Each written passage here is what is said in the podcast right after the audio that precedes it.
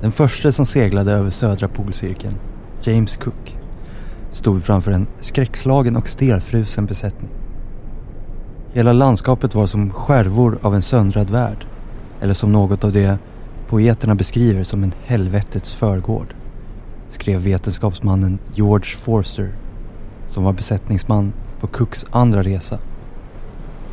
För besättningen på Bob Barker är Antarktis tvärtom. En vision om världen sådan de skulle vilja ha den. Opåverkad, fridfull och tidlös.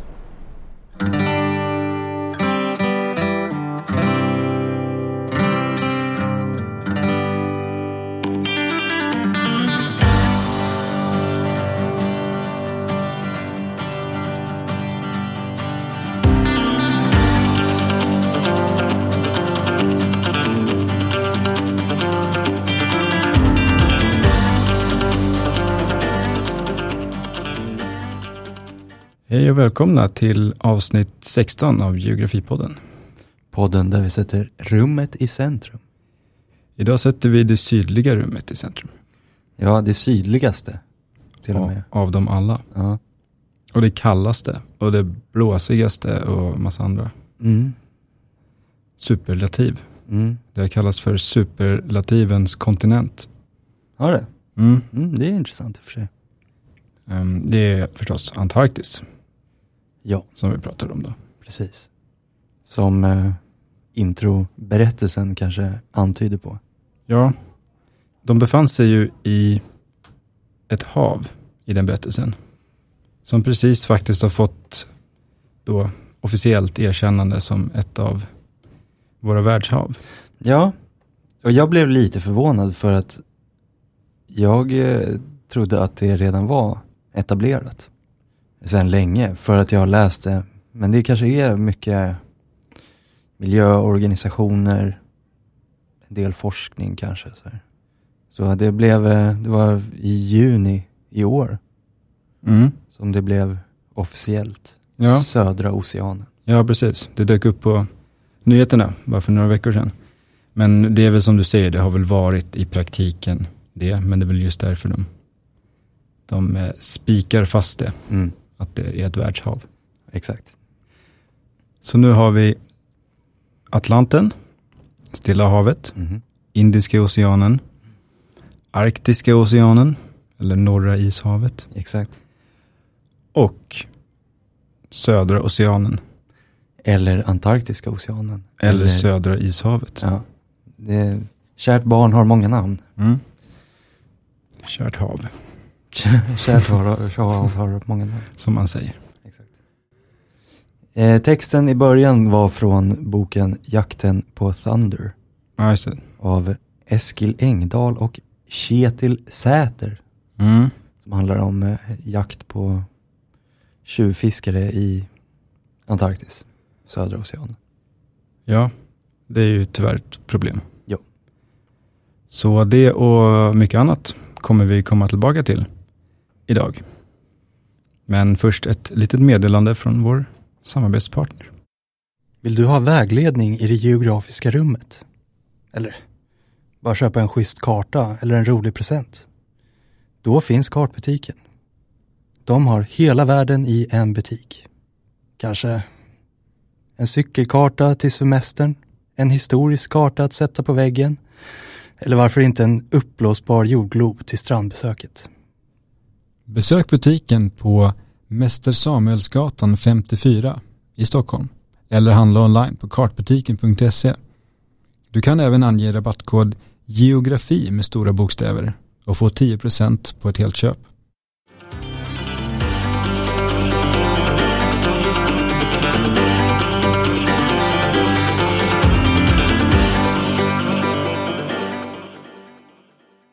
Okej.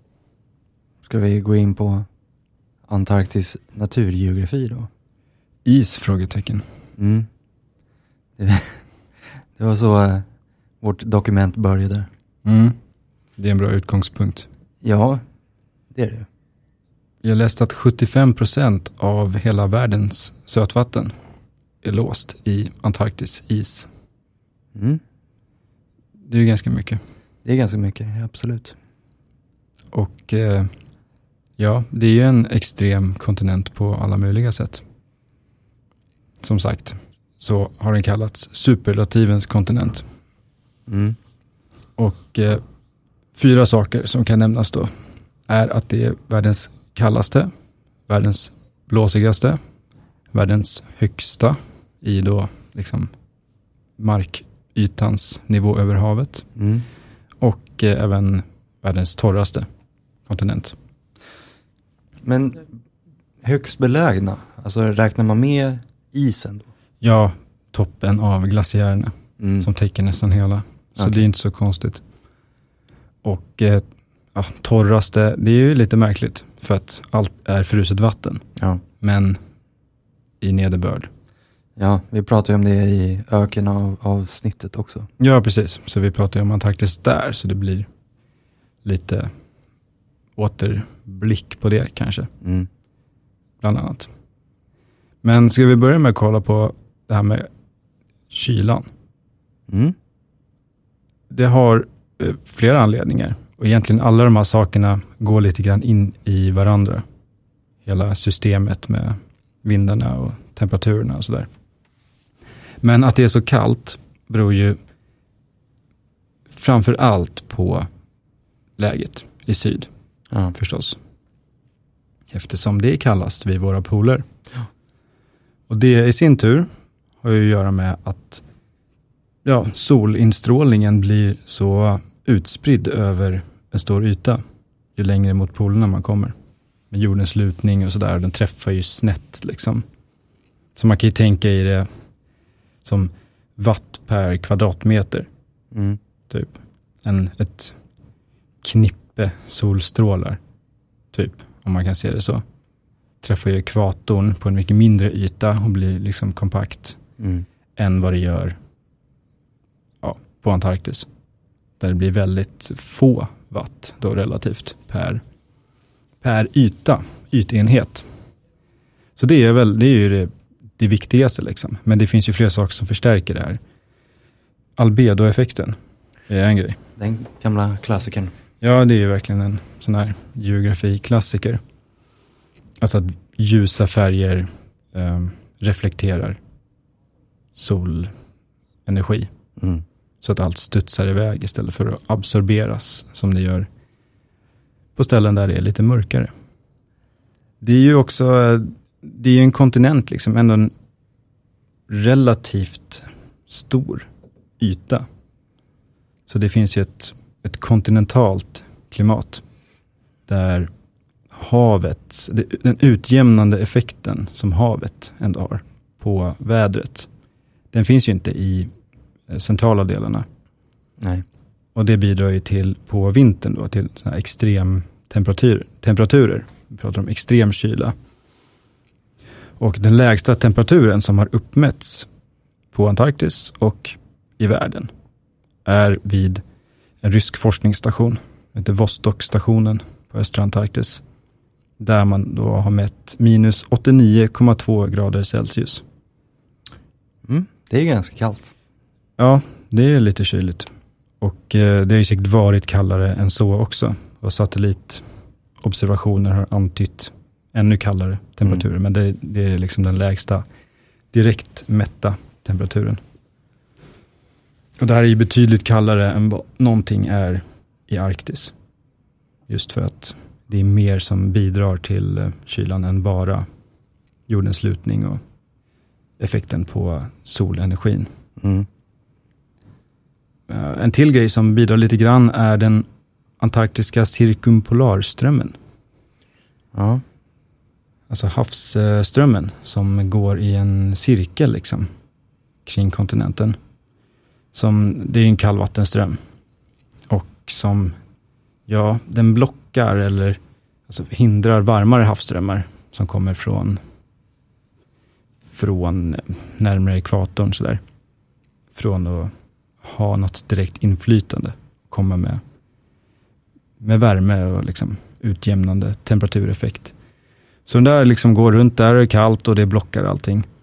Och jag tänkte på att det är egentligen den enda havsströmmen på jorden som tillåts gå i en cirkel. Alltså runt jorden.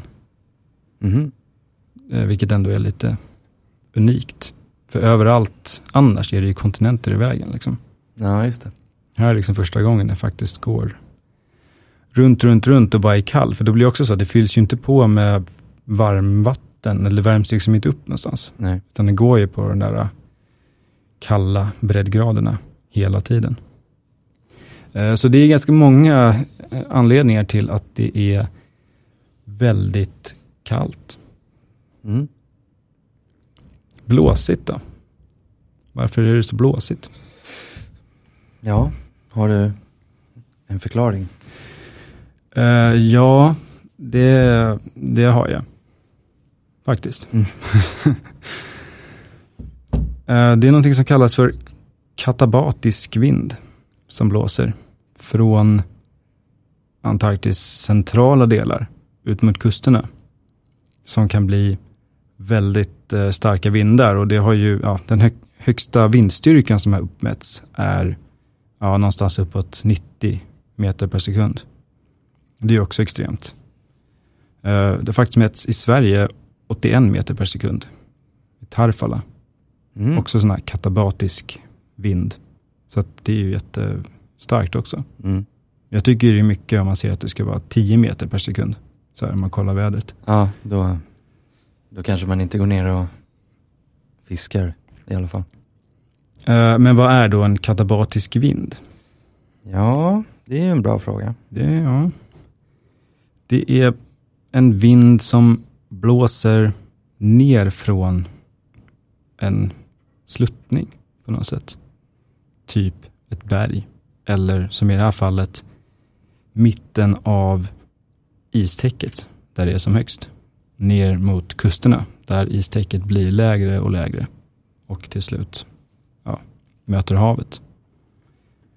Och eh, i vanliga fall på kontinenter så är luften lite varmare vid jordytan för att den värms upp av jordytan och sådär som blir kallare högre upp i atmosfären. Men här är det liksom tvärtom. För att det är bara is. Mm. Så luften kyls vid jordytan. Så där är det kompakt. Och den här luften vill liksom, kompakt luft strömmar mot mindre kompakt luft. För att det vill jämna ut sig. Mm. Sådär. Det är högtryck och lågtryck. Liksom. Eh, så det är de där vindarna, eller som skapar vindarna som liksom blåser från mitten ut mot kusterna. Och där de liksom måste gå runt, eller mellan berg och sådär, så att det flödet eh, går som lite i en tratt, liksom, komprimeras. Där kan det bli extremt starka vindar. Så ja, där är väl också grunden till de här snöstormarna som ofta är på Antarktis. Mm. Där det, det kanske inte snöar, men det liksom blåser ju upp snö bara från marken och det blir ja, ganska knepiga förhållanden, minst sagt. Men eh, jag har ett exempel då. Mm. Du får berätta för mig om det är en katabatisk vind eller Ja, inte. ja, jag kan försöka. Vi, ja, det var en, när vi var uppe och tältade i Abisko. Mm. Och eh, vi eh, sökte oss lite uppåt för att det var vårflod och så här, så det var mycket vatten. Okej. Eh, vi missade dock att det var en dalgång liksom, som eh, var riktad rakt mot oss. Mm. Så vi vaknade ju mitt i natten av att det, det blåste ordentligt. Ja. Eh, det kom verkligen liksom från ingenstans. Bara superstark vind. Som inte varade sådär jättelänge heller. Utan bara, ja. Ja, det, det är det ju säkert då. Om den kom, kanske ni inte tänkte på om den kom uppifrån liksom. Det var ju högre åt det hållet. Vi var ganska, alltså lågt. Mm. Och, eh, om man tänker på området i allmänhet liksom. Så, Ja, nej men det är det säkert. Det man också läst om Antarktis är ju att vädret kan skifta väldigt snabbt. mm, Och det stämmer ju mm. med det. Eh, Jag vet faktiskt inte eh, varför riktigt. Nej. Men eh, det, det stämmer överens. Sen så var ju inte det här i Antarktis, utan det var i Arktis. snarare. Ja, precis. Men ändå, tydligen så kan det ju vara väldigt starka vindar även i svenska fjällen. Ja, för Från- Tarfala ligger ju i närheten Ja, av det. jo Så- precis. Ja, det är ju, så det var väl typ från, det ligger väl vid Kebnekaise Mm. i princip. Så det är ju där bergen är som högst liksom i svenska fjällen. Mm. Det är intressant. Mm. Eh, men sen det, är den torraste kontinenten också. Ja. Det var vi ju som sagt inne på när vi pratade om öknar, så det kan man lyssna på också. Men eh, ja, det, det kallas för the White Desert också. Räknas som världens största öken, även fast det inte känns som en öken Mm. på det sättet. Uh, genomsnittliga nederbörden på hela kontinenten är mindre än 15 centimeter per år. Och för att jämföra med eh, Sverige då så är den genomsnittliga årsnederbörden i Stockholm till exempel 55 centimeter per år. Eh, så, och det där varierar ju över kontinenten ganska mycket också. Det finns ju områden som ändå får relativt mycket och sen finns det The McMurdo Dry Valleys. Ja, där det inte finns någon nederbörd alls. precis. De nämnde du ju också i ökenavsnittet. Jo, precis. Eh, Men jag upptäckte att de ligger faktiskt vid kusten, där det annars eh, ändå det som, den snön som väl kommer är vid kusten. Mm. Men jag vet inte, de ligger vid, vid foten av bergskedjan som går igenom Antarktis. Transantarktiska bergen. Mm. Så att eh, jag misstänker att det är de som gör någon slags eh, regnskuggseffekt över de här dalgångarna. Så det är lite av en, en kustöken alltså? Eh, ja, men det är nog både det, för det är en kall havsström, så det är en kustöken. Ehm, och en Regnskugga? regnskuggsöken. Eftersom också de ligger på västra sidan av bergen och de vindarna som blåser runt polarvindarna, the polar easterlies, Mm. de blåser då från öst till väst. Så de ligger liksom i skuggan där av vindriktningen. Mm. Mm. Men annars så är det ju alltså att det inte snöar. Eller regnar då, men om det väl kommer något så är det ju i form av snö. Det Har ju att göra med att luften fyller på ovanifrån i centrala, över centrala Antarktis. Och eh, områden där det regnar mycket är ju generellt sett sådana där det, luften stiger uppåt i atmosfären och pressas ihop och eh, det blir nederbörd.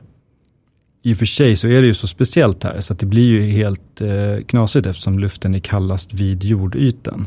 Så när den sjunker så blir den faktiskt kallare Mm. och pressas ihop, vilket normalt sett händer när luft stiger. Men det är ändå så himla kallt från början, så att luften är liksom helt torr oavsett. Så Mm. det, det blir ingenting. Det blir torrt. Det blir torrt. Det blir torrt. Eh, och så det sista superlativet. Högst belägna. Ja, det är den högsta kontinenten. Det beror ju på att eh, istäcket är tjockt. Genomsnittlig höjd 2500 meter Mm. är det jag har sett. Och eh, över 3 kilometer tjockt i mitten. Det här bidrar ju också till kylan eftersom det ändå blir kallare högre upp i atmosfären. Eh, vilket det inte blir på Antarktis då eftersom det kallas för jordytan eftersom det är is där. Men hade isen här varit lägre hade det ändå varit lite, lite varmare där. Det blir liksom det dubbla, att isen kyler och man är högt upp i atmosfären. Mm. Och jag såg att temperaturen sjunker ungefär en grad för varje 100 meter högre upp man hamnar. Okej. Så, ja, med det i åtanke så borde det vara typ 25 grader varmare om isen var havsnivå, men jag vet inte riktigt om man kan räkna så. Det är oklart. Ja, jag vet Men, Nej, jag vet inte heller. Men det har sin effekt i alla fall, så där kommer ju det in på kylan igen liksom, Ja. också. Men är det som högst i liksom mitten av kontinenten? Ja, jag vet inte, jag tror inte riktigt det faktiskt. Nej. Det är väl i stora drag högre mot mitten. Men, eh, men det kan nog variera lite grann. Mm. Sen är frågan vad som är mitten också. Det finns en östlig del som är betydligt större än den västliga delen. Så att man kanske tänker att Sydpolen är i mitten, men det är det ju inte riktigt. Nej. Så det är väl någonstans på den östliga delen då, i så fall. Som mitten är. Mm. Och de här två halvorna delas ju då av de transantarktiska bergen. Mm. Som går som en gräns liksom mellan, eller över hela kontinenten. Mm. Som kan vara värda att nämna ändå. Ja, precis. Det finns ju också i, egentligen i anslutning till den här bergskedjan, bland annat två vulkaner. Mm. Mount Terror och Mount Erebus. Ganska hårda namn. Ja. Eh, Döpta efter två ganska aggressivt döpta skepp. Mm. Jag kommer inte ihåg vilken upptäckare det var, men det var någon av dem som, som fick döpa vulkanerna efter sina skepp. Ja, väldigt mycket här är ju döpt efter upptäckare eller deras skepp eller fruar i Ja. vissa fall. Jag hörde älskarinnor också Okej. någonstans, men jag har inte hittat eh, något jättebra exempel. Mm. De tog någonting som de hade, Ja. höll kärt, Exakt. satte namn. Och sen är det ju en del grejer som är döpta efter re- regenter i länderna som de utgick ifrån och sådär också. Mm. Queen Elizabeth Land. Till exempel. Men eh, om man då ska ta, ska man nämna några naturgeografiska lokaler eller ehm, Mm. ja, så. Droppa något. Antarktiska halvön till exempel. Ja, eh, den är lite speciell. Det är ju som den här lilla svansen som går från den västra delen av eh, Antarktis. Mm. Som eh, är den punkten som ändå kommer närmast en annan kontinent och liksom längst norrut. Okej. Den går ju ut mot eh, eh, sydliga spetsen av Sydamerika. Mm. Och så finns det en eh, passage där som heter Drake Passage, eller Drakes passage kanske Mm. på svenska. Som är väl ändå det att just åka över det sundet då, om man kan kalla det så. Det är väl ändå det vanligaste, vanligaste sättet att ta sig eh, till Antarktis Mm. för turister och sådär. Eh, Så det är en grej. Det är en grej. Har vi något mer? Vi har ju ett par ice shelves. Mm. Shelfisar på svenska. Ja, Som är där um, glaciärisen har tagit sig över liksom kontinentalsockeln ja, och ligger i havet.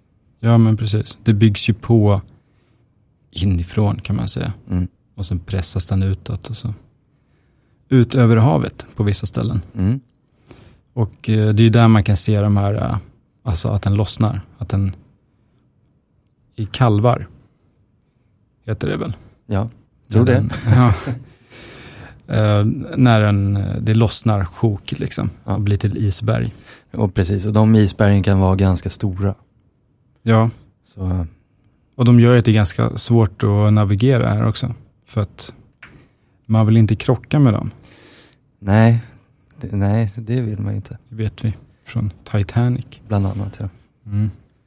Sen, eh, alltså, det finns ju mycket, mycket liksom man skulle kunna nämna. Det finns ju ett sånt där klassiskt geografiskt begrepp också som kallas för, eller det heter. Mhm. Nunnatacker. Nu vet jag inte vad det är.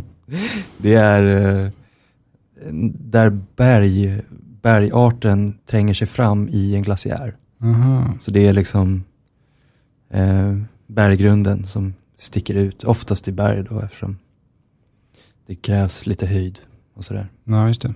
Så det är vanligt på Grönland och vissa delar, typ Ellesmere Island i Kanada och då Antarktis. Okej.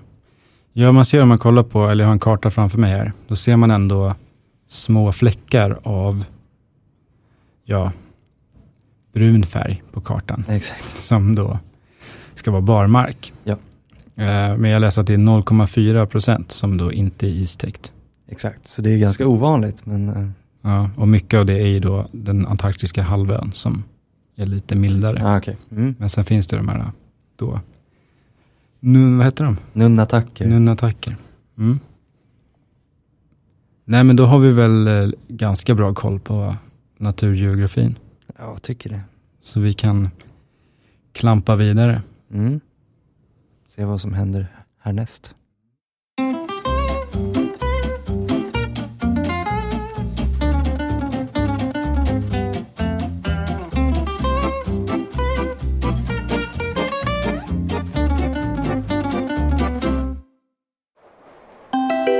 Nästa, Kerguelen. nästa, Paramaribo. nästa, Borgvattnet. Vilse på världskartan. Ja, nu var det dags att bli utfrågad. Mm. Eller testad, eller vad man ska säga. Ja, och det är din tur idag. Ja, sitta i heta stolen. Mm. Eh, vad är Borgvattnet? Vad är det? Borgvattnet är en eh, ort i Jämtland Mm. där eh, bland annat då Borgvattnets prästgård finns som är ett av Sveriges mest hemsökta hus. Typ. Mm. Eh, så där, dit, det är ett vandrarhem så man kan åka dit och eh, lyssna på barnagråt på nätterna och sånt där om man nu vill det. Ja. Geografipoddens resetips. Borgvattnets prästgård. Okej. Eh, det är, ja, det är väl som vanligt med vilse på världskartan. ja, Ska vi dra, vi söker ett land. ja, fem ledtrådar. En gissning. Yes. Ska vi köra igång? Vi kör igång. Okej, fem poäng. Landet vi söker idag har ingen kust, men hela sex grannländer. Dessutom ligger landet på en platå, vilket gör att området missas av världsdelens tre största vattensystem. Trots denna vattenglesa placering på världskartan var landet tidigare uppkallat efter två floder. Ja, då kan man ju försöka placera det lite grann någonstans. Men det jag tänker är om man skulle kunna tänka en rimlig världsdel och sådär. Mm. Mm. Det finns ju några att välja mellan. Ja, det gör det ju. Antarktis kanske inte är... Det är inte det första som eh, kommer att tänka på. Nej. Jag tror inte att det är Nordamerika heller. Nej, det är också lite eh, lands eller stadsglest. Mm. Nej, men du får gå vidare. Okej. Fyra poäng. Naturtillgångar i landet innefattar diamant, uran, timmer, guld och petroleum. Men befolkningen är ändå en av de fattigaste i världen. Många lever på svältgränsen och situationen har beskrivits eh, som den näst största pågående humanitära katastrofen i världen. Och det var 2019 som den beskrevs så. Oj. Okej. Nu kanske världsdelen, Ja.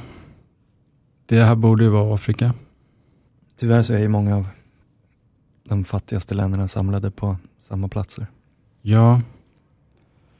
Sen tänker jag att det är ju, alltså det är ju platå, egentligen hela södra, alltså Sub-Saharan Africa är väl i princip en platå. Men Vad det finns för land som kan sticka ut och missa vattensystemen. Mm. Nej, äh, behövs det något mer? Kör på. Okej. Tre poäng. Landet är till ytan 630 000 eh, kvadratmeter. Alltså ungefär 200 kvadratmeter större än Sverige. 200 000 kvadratmeter större än Sverige. Eh, men har en befolkning på 4,7 miljoner invånare. Ett av de mest framträdande dragen när man googlar landet är att de är placerade näst sist på det som kallas Human Development Index, HDI.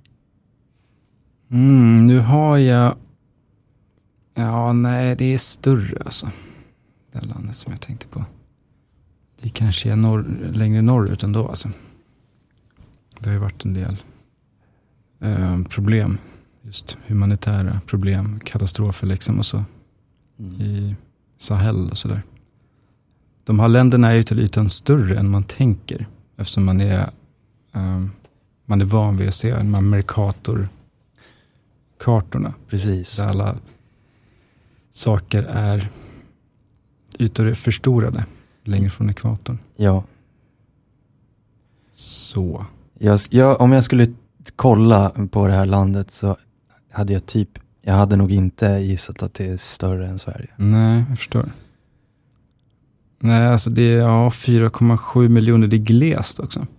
Mm. Så det, är, det här talar ju verkligen för att det är lite öken, halvt. Mm, det finns ju några där som är ändå lite mindre och landlåsta.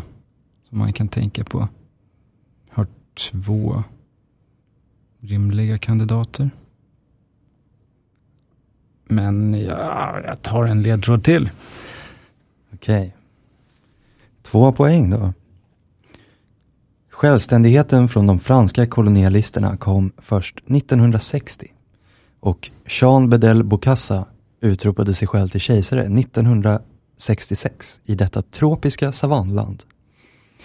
Miljöproblem i landet innefattar ökenspridning och tjuvjakt.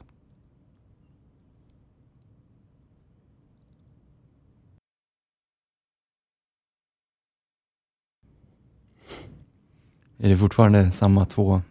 Nej, jag börjar tänka om. Jag börjar tänka om jag tänker helt, om jag tänker fel med det här med ytan ändå. Jag tänker att det är större. Att det är betydligt större Sverige. Det är franskt, det stämmer ju. Men det är flera där som är alltså. Nej, och det är större befolkning där. Det stämmer ju absolut inte. Nej, det är mycket större befolkning. Nej, det kanske ändå är de två som är mina huvudkandidater. Så jag kan ju bara dra till och gissa på ett av dem. Ska jag göra det? Jag kanske gör det. Du gör som du vill. Vad var vi? Fått två poäng? Ja. Ja, men vad fan, jag, jag drar till. Tror jag. Det är alltid Ja. ångesten innan man svarar. Jag svarar det som när man gör, kör quiz. Står som, Okej, där fick vi ett svar. mm, Vi fortsätter med ett poäng. Huvudstaden börjar med ett bang. Flaggan är en av de mest färgglada i världen. Och landets namn är så pass långt att det ofta förkortas till de första bokstäverna i namnets, namnets tre ord. jag tror att jag gissade rätt. Du gissade rätt. Det är då CAR. Den centralafrikanska republiken. CAR. Just det, Bangul. Bangui tror jag. Bangui. Ja, nej, en annan- Banjul. Banjul är en annan. Just det. Ja, ja. det var det och eh, Burkina Faso som jag tänkte på som Ja, kandidat. det hade det väl kunnat vara också i och för sig. Ehm, Men det var det inte. nej. Eh, Centralafrikanska republiken ligger väldigt, väldigt långt ner på sådana här eh, rankingar. Mm. Men jag minns inte att man har hört något specifikt om just det landet. Så här på nyheter eller sådär. Nej, och jag tror att det är bara den allmänna situationen, allmäntillståndet som är så pass problematiskt att det anses vara en humanitär katastrof. Liksom. Mm. Så det, jag tror inte det är något särskilt. Jag tror att det är Somalia som räknades som det värsta. Ja, okej. Och sen kom Centralafrikanska republiken Ja. som nummer två. Nej, annars känns det som att man kanske hört om Mali och Niger Mm. till exempel. Men de passar ju inte in för det är alldeles för stora länder. Ja. Ja, ja. Men det, alltså om man kollar på kartan på Centralafrikanska republiken, Mm. det ser inte ut att vara ett stort land. Nej, det ser jättelitet ut i sin position. Och då är det ändå ja, ganska mycket större än Sverige. Ja. Ja, våra ehm, världsbilder stämmer inte riktigt Nej, alltid. det är det där med kartprojektioner och sånt. Mm. Det kommer väl ett avsnitt om det så småningom. Säkert.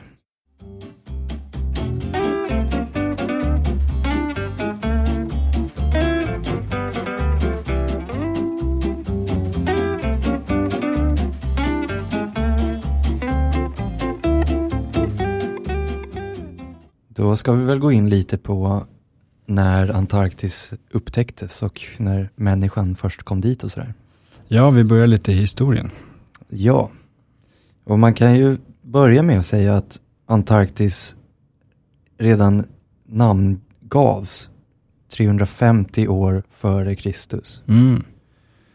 av Aristoteles, Ja, som egentligen gissade.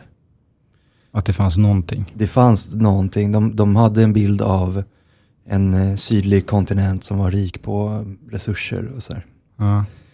Eh, och den, eh, liksom den idén fanns väl kvar ganska länge. Alltså tanken på den sydliga kontinenten. ja, just det. Man kan ju fortsätta också med att det första formella omnämnandet av kontinenten som Antarktis kom ganska mycket senare. Det var 1890. Mm. Så ganska långt efter Aristoteles gissade, gissade rätt. Ett tidigt namn då på den här påstådda kontinenten var väl Terra Australis. Mm. Alltså det sydliga, sydliga. landet. Ja, exakt. Ja. Eh, och jag tror till och med att det har kallats för Australien någon gång i hela den här perioden när man har pratat om den här okända sydliga kontinenten. Mm. Men sen blev ju Australien någonting annat. Så. Jo. Eh, så var det säkert. Det var ju bland annat då, jag nämnde ju James Cook redan i den här intro-storyn. Mm. Och han, det var ju på 1700-talet, slutet av 1700, som han eh, reste ut för att nå Terra Australis. Ja, Så eh, själva namnet Antarktis, liksom det etablerade namnet kom väl lite senare då. ja, just det. Visst nådde Cook öar utanför, men inte själva kontinenten, som jag minns det. Han var Eh. ganska nära. Ja, han nådde aldrig Antarktis. Nej. Däremot Fabian Gottlieb von Bellingshausen och Mikhail Lazarev Mm. 1820 ska ha nått Antarktis som första då bekräftade upptäckare. Mm. Ryska upptäckare då. Ja, ja von Bellingshausen låter inte så ryskt, men Nej. själva expeditionen eh, var rysk. Och han har ju då också ett, ett hav döpt efter sig. Ja, just det. Bellingshausenhavet. Mm. Det var väl där de, eh, kusten till det havet som de steg i land, Ja, gissar jag. han hittade ett gäng öar där och sen åkte han vidare. Mm. Ja, så det här var ju ändå ganska sent. Det var ju väldigt långt efter eh, att eh, man hade börjat eh, ja, fundera på den här kontinenten. Mm. Men det har väl också att göra med att havet är väldigt svårt att färdas igenom. Ja. Det är ena strömmen som bara går runt, runt utan att bromsas av kontinenter och det är isberg som flyter och Mm. sådär. Det är mycket stormar. Ja, alltså det verkar ju som att det fortfarande är ganska svårt. Ehm, för eh, fiskare till exempel. Det, är, Ja. det är liksom Ja, liksom- risky business. Ja, liksom moderna fartyg har problem, så då förstår man hur det kanske var på innan 1800-talet. Ja, exakt.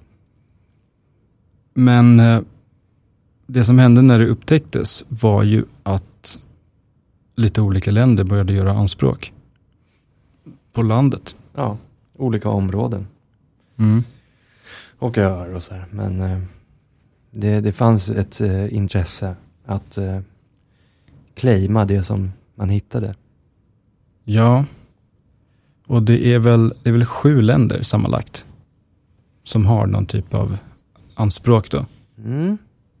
Ska vi dra vilka det är? Ja, om du har en lista. Jag har en lista. Ja, det låter bra. Det är Frankrike, Storbritannien, Australien, Nya Zeeland, Norge, Chile och Argentina. Mm. Och de här anspråken då är ju typ tårtbitsformade. Ja. Som går ut från eh, Sydpolen. Ja. Ja, och vissa överlappar ju också. Vilket har lett till en del konflikter. Ja, de, eh, de vill ha samma område. Ja, de vill ha Storbritannien och Argentina är väl det som är mest känt som har varit eh, konflikt kring. Ja. Hela Falklandskriget eh, har väl i alla fall delvis med det här att göra, Mm. tror jag. Men det jag tycker är lite intressant med alla de här anspråken är vad de liksom bygger på. Hur de, så här, hur de går tillväga för att motivera att de har rätt till en viss del av landet. Mm. Alltså, jag kan väl, om, om jag bara ska tänka liksom snabbt. Så kan jag ju förstå att Argentina och Chile till exempel. Och ja men Australien också då. Alltså det känns ju ändå som att man kan förstå varför de har gjort anspråk. Där de har gjort anspråk. Ja, det ligger ganska nära. Ja. Men sen så är det ju också Norge och Frankrike och Ja, Storbritannien. ja exakt. Men det är ändå så här sjöfararnationer. Mm. Och eh, det var ju en norrman då, Amundsen, som också namngivit ett av haven utanför. Ja. Som var först med att nå själva Sydpolen. 1911. Mm. Som var i ett race med någon brittisk upptäckare. Som, eh, nu kommer jag inte ihåg hans namn, men som, ja, han vann med 35 dagar eller något sånt. Ja. Och det är väl just de här grejerna som liksom ligger till grund för anspråken. För det finns ju ingen sån här lag riktigt kring vilka som kan hävda anspråk. Nej. Utan det bygger ju på någon slags så här, äh, diskurs, typ. Jo. Att så här, vi var här tidigt och sen kanske de sätter en flagga och gör lite andra saker Mm. för att på olika sätt så här, hitta på kreativa sätt att motivera att det är deras land. Mm. Det är väl kanske snarlikt i Arktis också, när, som den ryska flaggan till exempel på Nordhavsbotten på Ja, Nordpolen och så här. Ja, men exakt, det är väl ungefär, ungefär samma grej.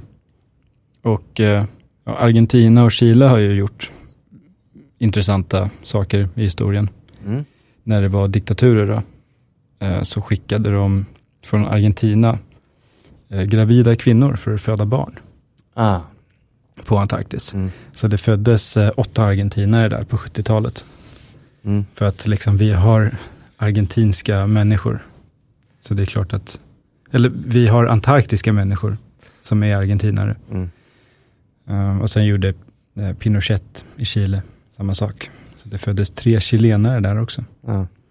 Men eh, eh, sen slutade de med det för att det blev ganska kritiserat. Det kan man ju förstå. Ja, det är Kanske. ganska rimligt. Eh, men jag såg att det som kan göras fortfarande idag är typ på väderleksrapporter i Chile. Att man då säger ja, vädret i olika delar av landet. Liksom. Mm. Då är, ett av dem är då Chiles antarktiska anspråk, som Mm. man drar vädret där. Liksom. Vilket inte är så jätteintressant för de som tittar kanske så mycket, men Nej. det är ju en del i hela den här ja, diskursbyggandet. Ja. Hävdandet Ja. av rätten. Precis. Ja, för alltså det finns ju ingen liksom permanent eh, befolkning Nej, på Antarktis. Det är ju framförallt, eller kanske enbart forskare. ja det är ju några tusen forskare som ändå är där liksom, Ja. hela tiden, fast de byts ut. Ehm, och eh, de har ju ändå byggt lite så här, det finns någon skola för de som har barnen där och det finns, de har byggt kyrkor, typ Mhm. vissa, som också kritiseras lite så här för att det är ett sätt för dem att eh, hävda sitt, sitt anspråk och sådär. Jo. Men jag kollar också, jag kollar på kartan nu över anspråk. Mm. Det finns ju ett ganska stort område som är unclaimed. Ja, det gör det ju också. Varför vill ingen ha det? Ja, jag vet inte om de inte hann dit. För de här är ju frysta, de här. Hela situationen är ju fryst. Ja, okej. Så det var ingen, det, de hann inte? Nej, jag vet faktiskt inte. Det måste ju vara det minst eh, eftertraktade. Jo. Men det är sant, det är ganska stort. Och det är ju ändå på, det är på västra delen. Som Ja. de annars bråkar rätt mycket om. Ja, Det är mest kring Antarktiska halvön som det, det överlappar. Ja, exakt. Men eh, bredvid det så har man hela det här, det heter väl Mary Bird Land. I alla Mm. fall en stor del av det här eh, som ingen har gjort anspråk på. Jag vet faktiskt inte. Men det jag vet är att det är för sent att göra anspråk. Mm. För inga nya anspråk eh, accepteras längre i och med Antarktisfördraget. Just det. Som eh, kom 1959. 1961. Ja, just det, trädde i kraft 61. Mm. som helt enkelt, ja, ett, de länderna som är inblandade plus USA och Sovjet och några fler Mm. deltog i. För att, ja men helt enkelt det var kalla kriget och jag tror att de ville liksom inte att det ska spåra ur mer. Nej. Med internationella konflikter och sådär. Så de skrev under på att det, inga fler anspråk får göras. Och man fryser de som redan finns. Mm. Och eh, att Antarktis enbart får användas för fredliga ändamål. Mm. All militär aktivitet är förbjuden. Och det här är ju det som gäller fortfarande. Så man får forska där och länder får liksom inspektera varandras forskningsstationer just för att kolla att de inte bygger militärbaser Ja. i smyg. Liksom. Mm.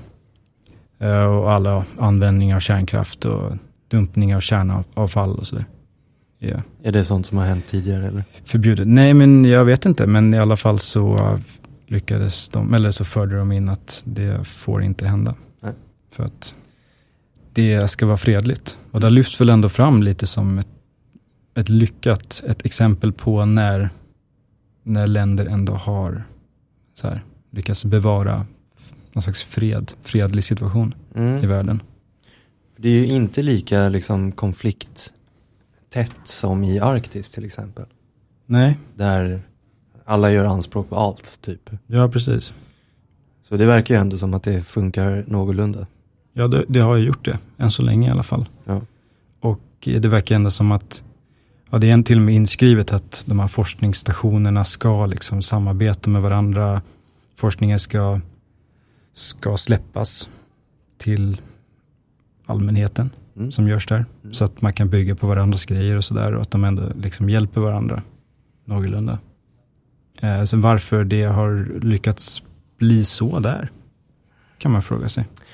Ja, det, det är ju en intressant fråga. Alltså jag kan tänka mig om man jämför Arktis och Antarktis. Mycket just nu handlar ju om ehm, handelsvägarna. Mm. Och det är ju väl kanske inte riktigt någonting som, det, vad finns det för handelsvägar Nej, ingenting. i, i Sydpolen? Liksom? Nej, nej, det är ju bara, då ska man liksom dit. Ja. Man har inte vägarna förbi direkt. Nej. Så det kanske bara är så. För att grejen är ju dock att det finns, man har hittat en hel del resurser. Mm. Alltså som finns, eh, alltså som olja och mineraler och sånt. Ja.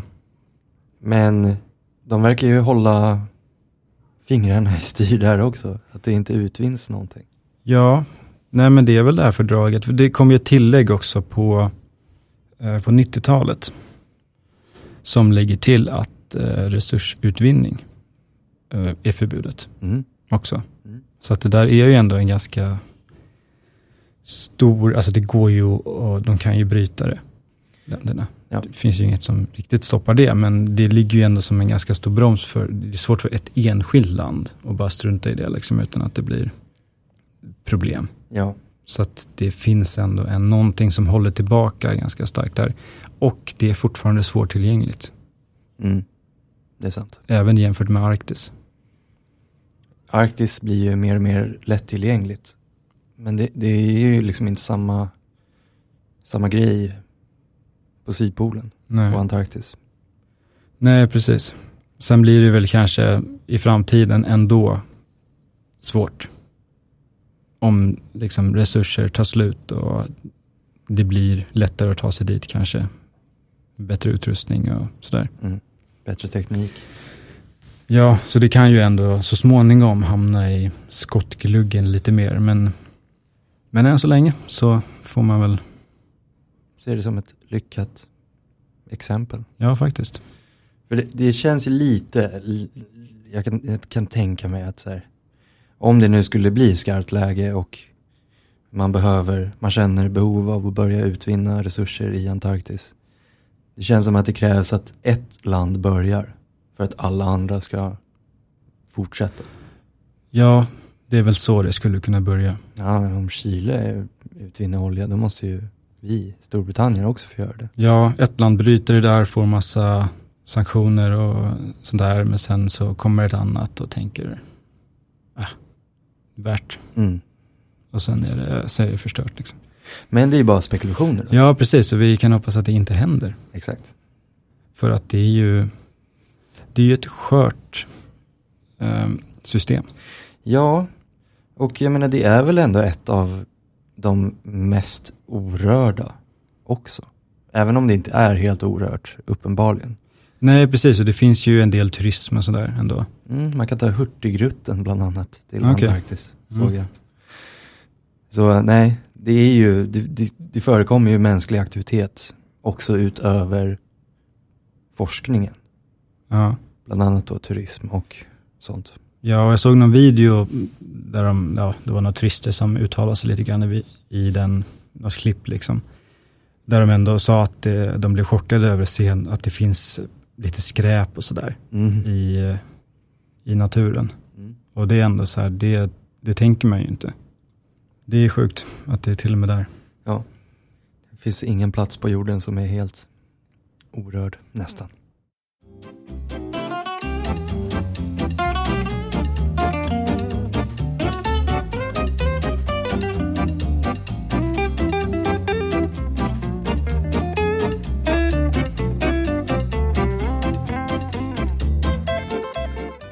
Men ja, vi var ju inne lite på resurser då Ja. och att man inte får utvinna. Vad finns det för resurser som man inte får utvinna? Som man inte får utvinna? Ja. Ja, olja, mineraler, diamanter. Ja, just det. Eller i alla fall så tror man att det ska kunna finnas diamanter va? Ja, det känns lite konstigt. Ja, men eh, det kan det väl göra. Det finns ju i Ryssland liksom och det är ändå så här arktiska miljöer. Ja, det är sant. Så. Men då är det bland annat då järn, krom, koppar, guld och platina. Ja, det är alla möjliga saker som skulle kunna bli, vara intressanta att fiska upp. Ja, på tal om att fiska upp. Ja. För det är ju faktiskt en sån resurs som eh, inte är helt skyddad liksom. Fiske bedrivs ju. ja, just det. Mycket av det är illegalt. För att det finns ändå miljöskydd och krav på fiskeredskap och så här. Att, eh, man, man ska ändå, man får inte fiska med, med vissa typer av trålar och, och nät för att det påverkar ekosystemet för mycket. Mm. Och det finns skydd för de marina resurserna också. Ja. Men eh, det, det bedrivs fiske, eh, också legalt, på bland annat eh, en fisk som heter tandnoting. Okej. Som är, ska vara så super, super god. Och, så. Ja. och det är en sån fisk som eh, kan väga upp mm, över 100 kilo tror jag, så stor rovfisk. Är det samma som antarktisk tandfisk? Eh, ja, det bör det vara. Jag tror jag hittade någon som heter så. Ja. Som var en sån riktig, Mm. riktigt ful fisk. Mm. Den heter väl toothfish på engelska. Ja, det kanske var det jag läste på engelska. Mm. Så den finns. Det fiskas en del. Det finns ju mycket krill. Mm. I eh, ja, både Arktis och Antarktis tror jag. Men eh, i Antarktis så har det fiskats mycket för att som foder till fiskodling. Ja, Mycket. ja. För att krill har generellt en ganska stor biomassa. Så det är liksom tacksamt att fiska på det okej. av den anledningen. Men eh, eh, bestånden minskar Ja, ganska. lär- lär det väl göra då. Ja. Och det sker en, en naturlig eh, minskning också samtidigt som att som liksom fiske bedrivs. Okej.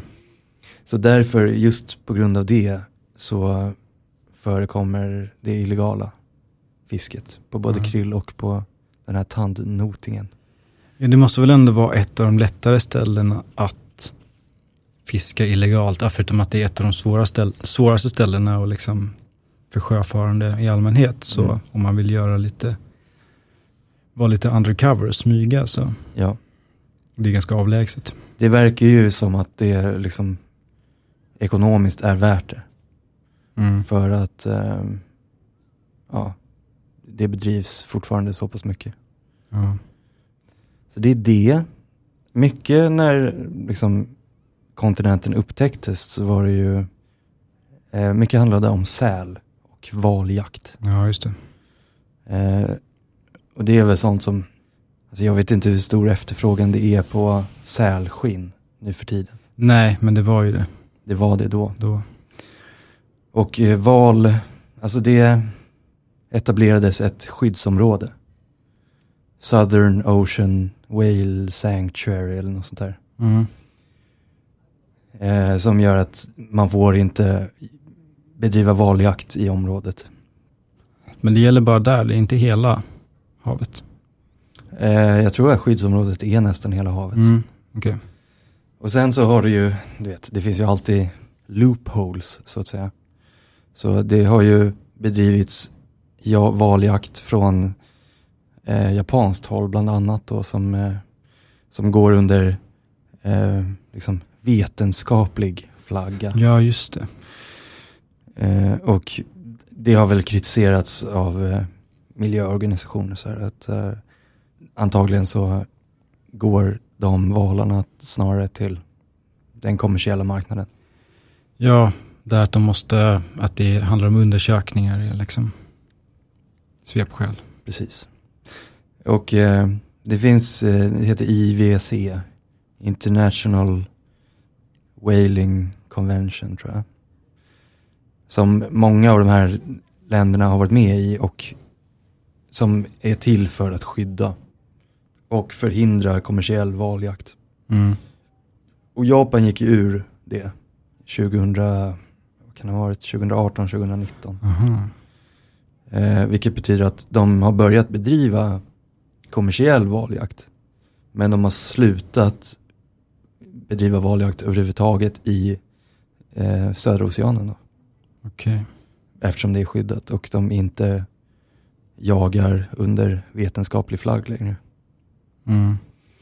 Så ja, alltså det finns skydd även för eh, marina resurser så att säga. Men eh, de är inte lika stenhårda som eh, på kontinenten.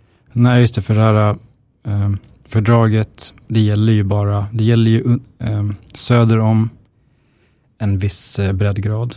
Kommer Ja. inte ihåg vad det är i grader, exakt 60. Mm, något sånt ja. Ja. Eh, men bara fastland. Ah, Så det gäller ju även anspråken. Det, det finns inga territorialvatten kopplade till de här anspråken som jag har fattat det, utan det är liksom bara land. Och de här, allt det här gjordes ju innan det här med EEZ, så exklusiv ekonomisk zon, Mm. fanns också. Så, så det är liksom fryst till bara land. Ja.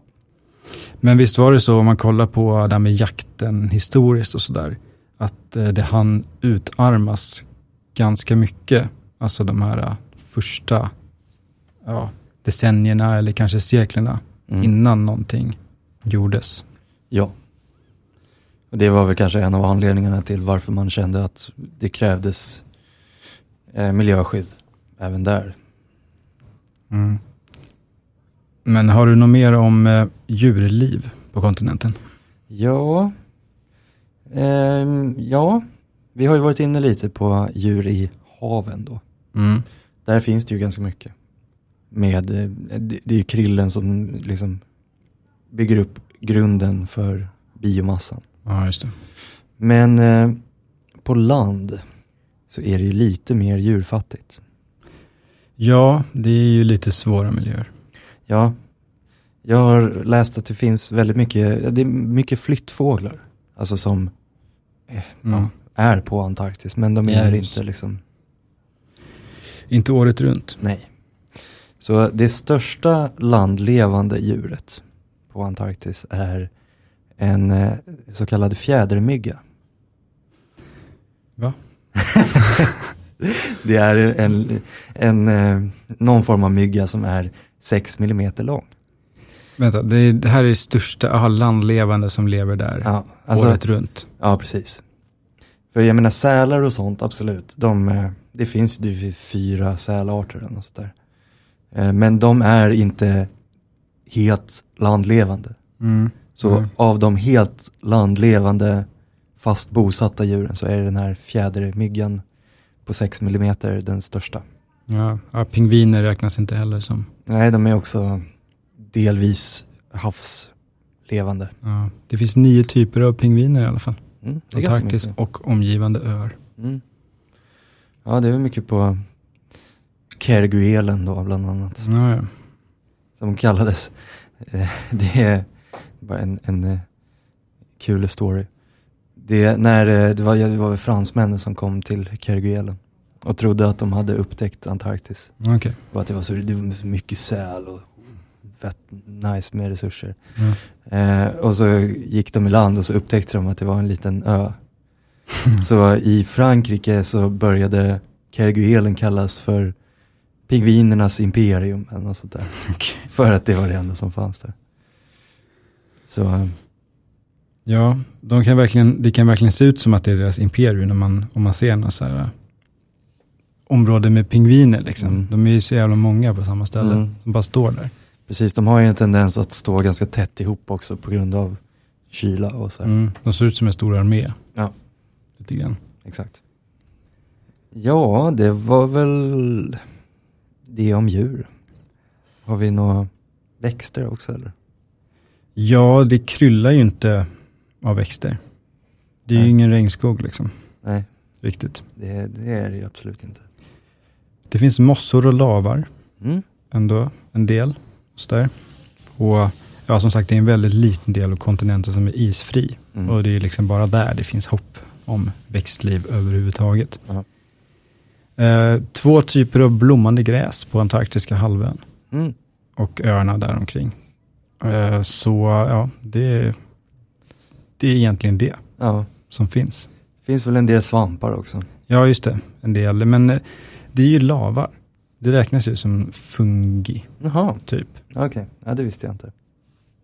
Ja, eller de är i alla fall organismer bildade av ett mutualistiskt förhållande mellan en eller flera svampar. okej. Ja. Ja. Och en alg också. Ja, det finns alger också. I haven. Ja, även på land. Jaha.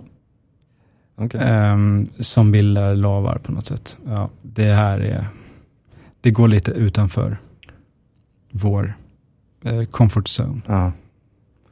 Man är ju inte biogeograf liksom. Nej, det här är inte biogeografipodden.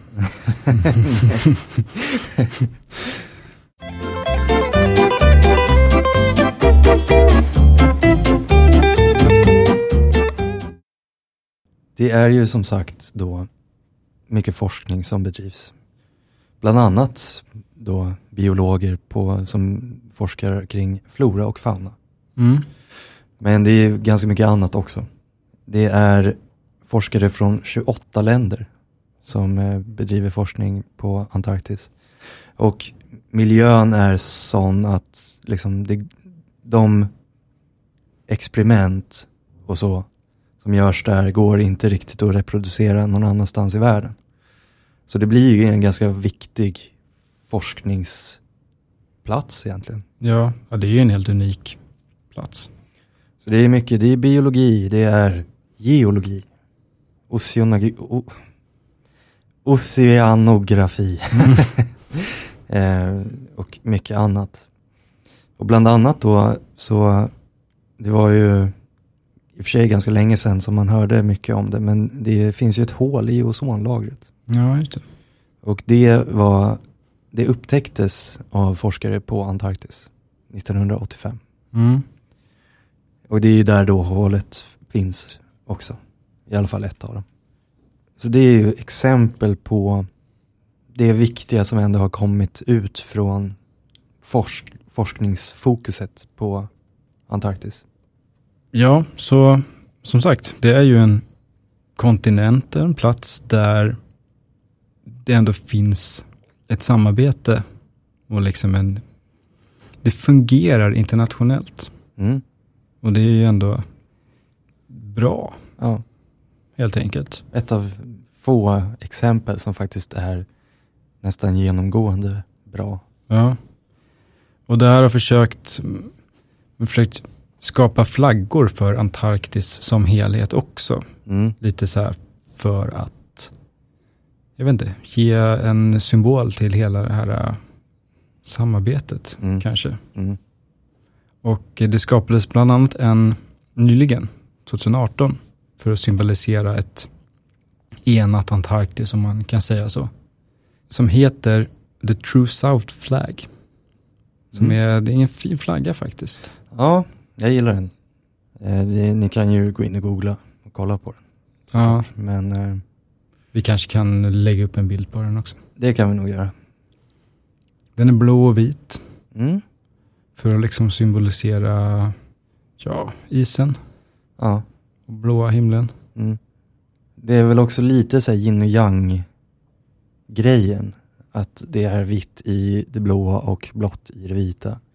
Ja, just det där, det är som en diamantform i mitten som är ett, det är ett eh, isberg och en, det kan också ses som en kompassnål som pekar söderut. Just det. Så det är mycket som har vävts in i samma. Men eh, ja, så det här är den nyaste i en serie. Det finns lite olika flaggor. Det An- Antarktisfördraget har liksom en flagga, men det är mer fördragets emblem. Som är en bild på själva kontinenten eller liksom eh, en kontur av Mm. kontinenten. Men det där är ju problem för att det finns is i kanterna som liksom smälter och den, den ändrar ju utseende. Just det. Så det går inte riktigt. Eh, och det finns några äldre flaggor också. Men det här är väl det senaste bidraget och eh, vissa så här eh, NGOs, icke-statliga organisationer, Ja. typ miljöorganisationer och sådär, har väl använt den och även forskningsgrupper och sådär. Så den kanske får fäste. Mm. Sen så finns det ju också då, kanske ska nämnas, de här territorialflaggorna Ja, just det. eh, från de olika länderna. Mm. Så det finns, eh, ja det finns väl nästan en för varje. I alla fall Argentina, Storbritannien, Chile Ja, jag tror alla har Frankrike. Ja. för sina territorier. Men man kan ju hoppas på att det blir den eh, enade Antarktisflaggan som man ser mest av Mm. I känns, framtiden. precis, det är den, den som egentligen känns mest relevant. För att det är liksom det internationella samarbetet som står i fokus och som faktiskt fungerar Mm. på Antarktis. Ja, och som verkligen ger unika förutsättningar för ja, forskning kring allt möjligt. Det är ju det är inte för inte som det ändå är forskare från 28 länder Nej, precis. som är där. Ja, som tagit sig dit och måste liksom bo i, i eh, snöstormar och elände Mm. för att göra sitt jobb. Mm. Mm. Det var det för Antarktis. Ja. Det här är väl också, det blir väl det sista avsnittet för säsongen. ja. Så vi tar väl ett litet sommaruppehåll. Ja, och så kommer vi tillbaka i höst någon gång. Mm. Schemat är väl inte helt klart. Nej, det är inte ens påbörjat, men, men det blir någon gång. Ja. Passa på att skicka in önskemål. Mm. Vi har inte eh, någon eh, eh, lång lista med spikade saker Nej, inför i höst. så det finns plats för sånt som folk vill höra. Ja, verkligen. Ska vi ta påminna om sociala medier. Ja, Facebook och Instagram. Geografipodden. Twitter. Geografipoddens geografiska nyheter. Och sen har vi en mail. Geografipodden gmail.com. Exakt. Så får vi tacka för den här gången och den här säsongen. Ja, det får vi göra. Tack Och- för att ni har lyssnat. Exakt. Och eh, till, till i höst då. Ja, nu är det viktigt här. Det är lång tid här. Så, Mm. så håll i er och eh, gå inte vilse.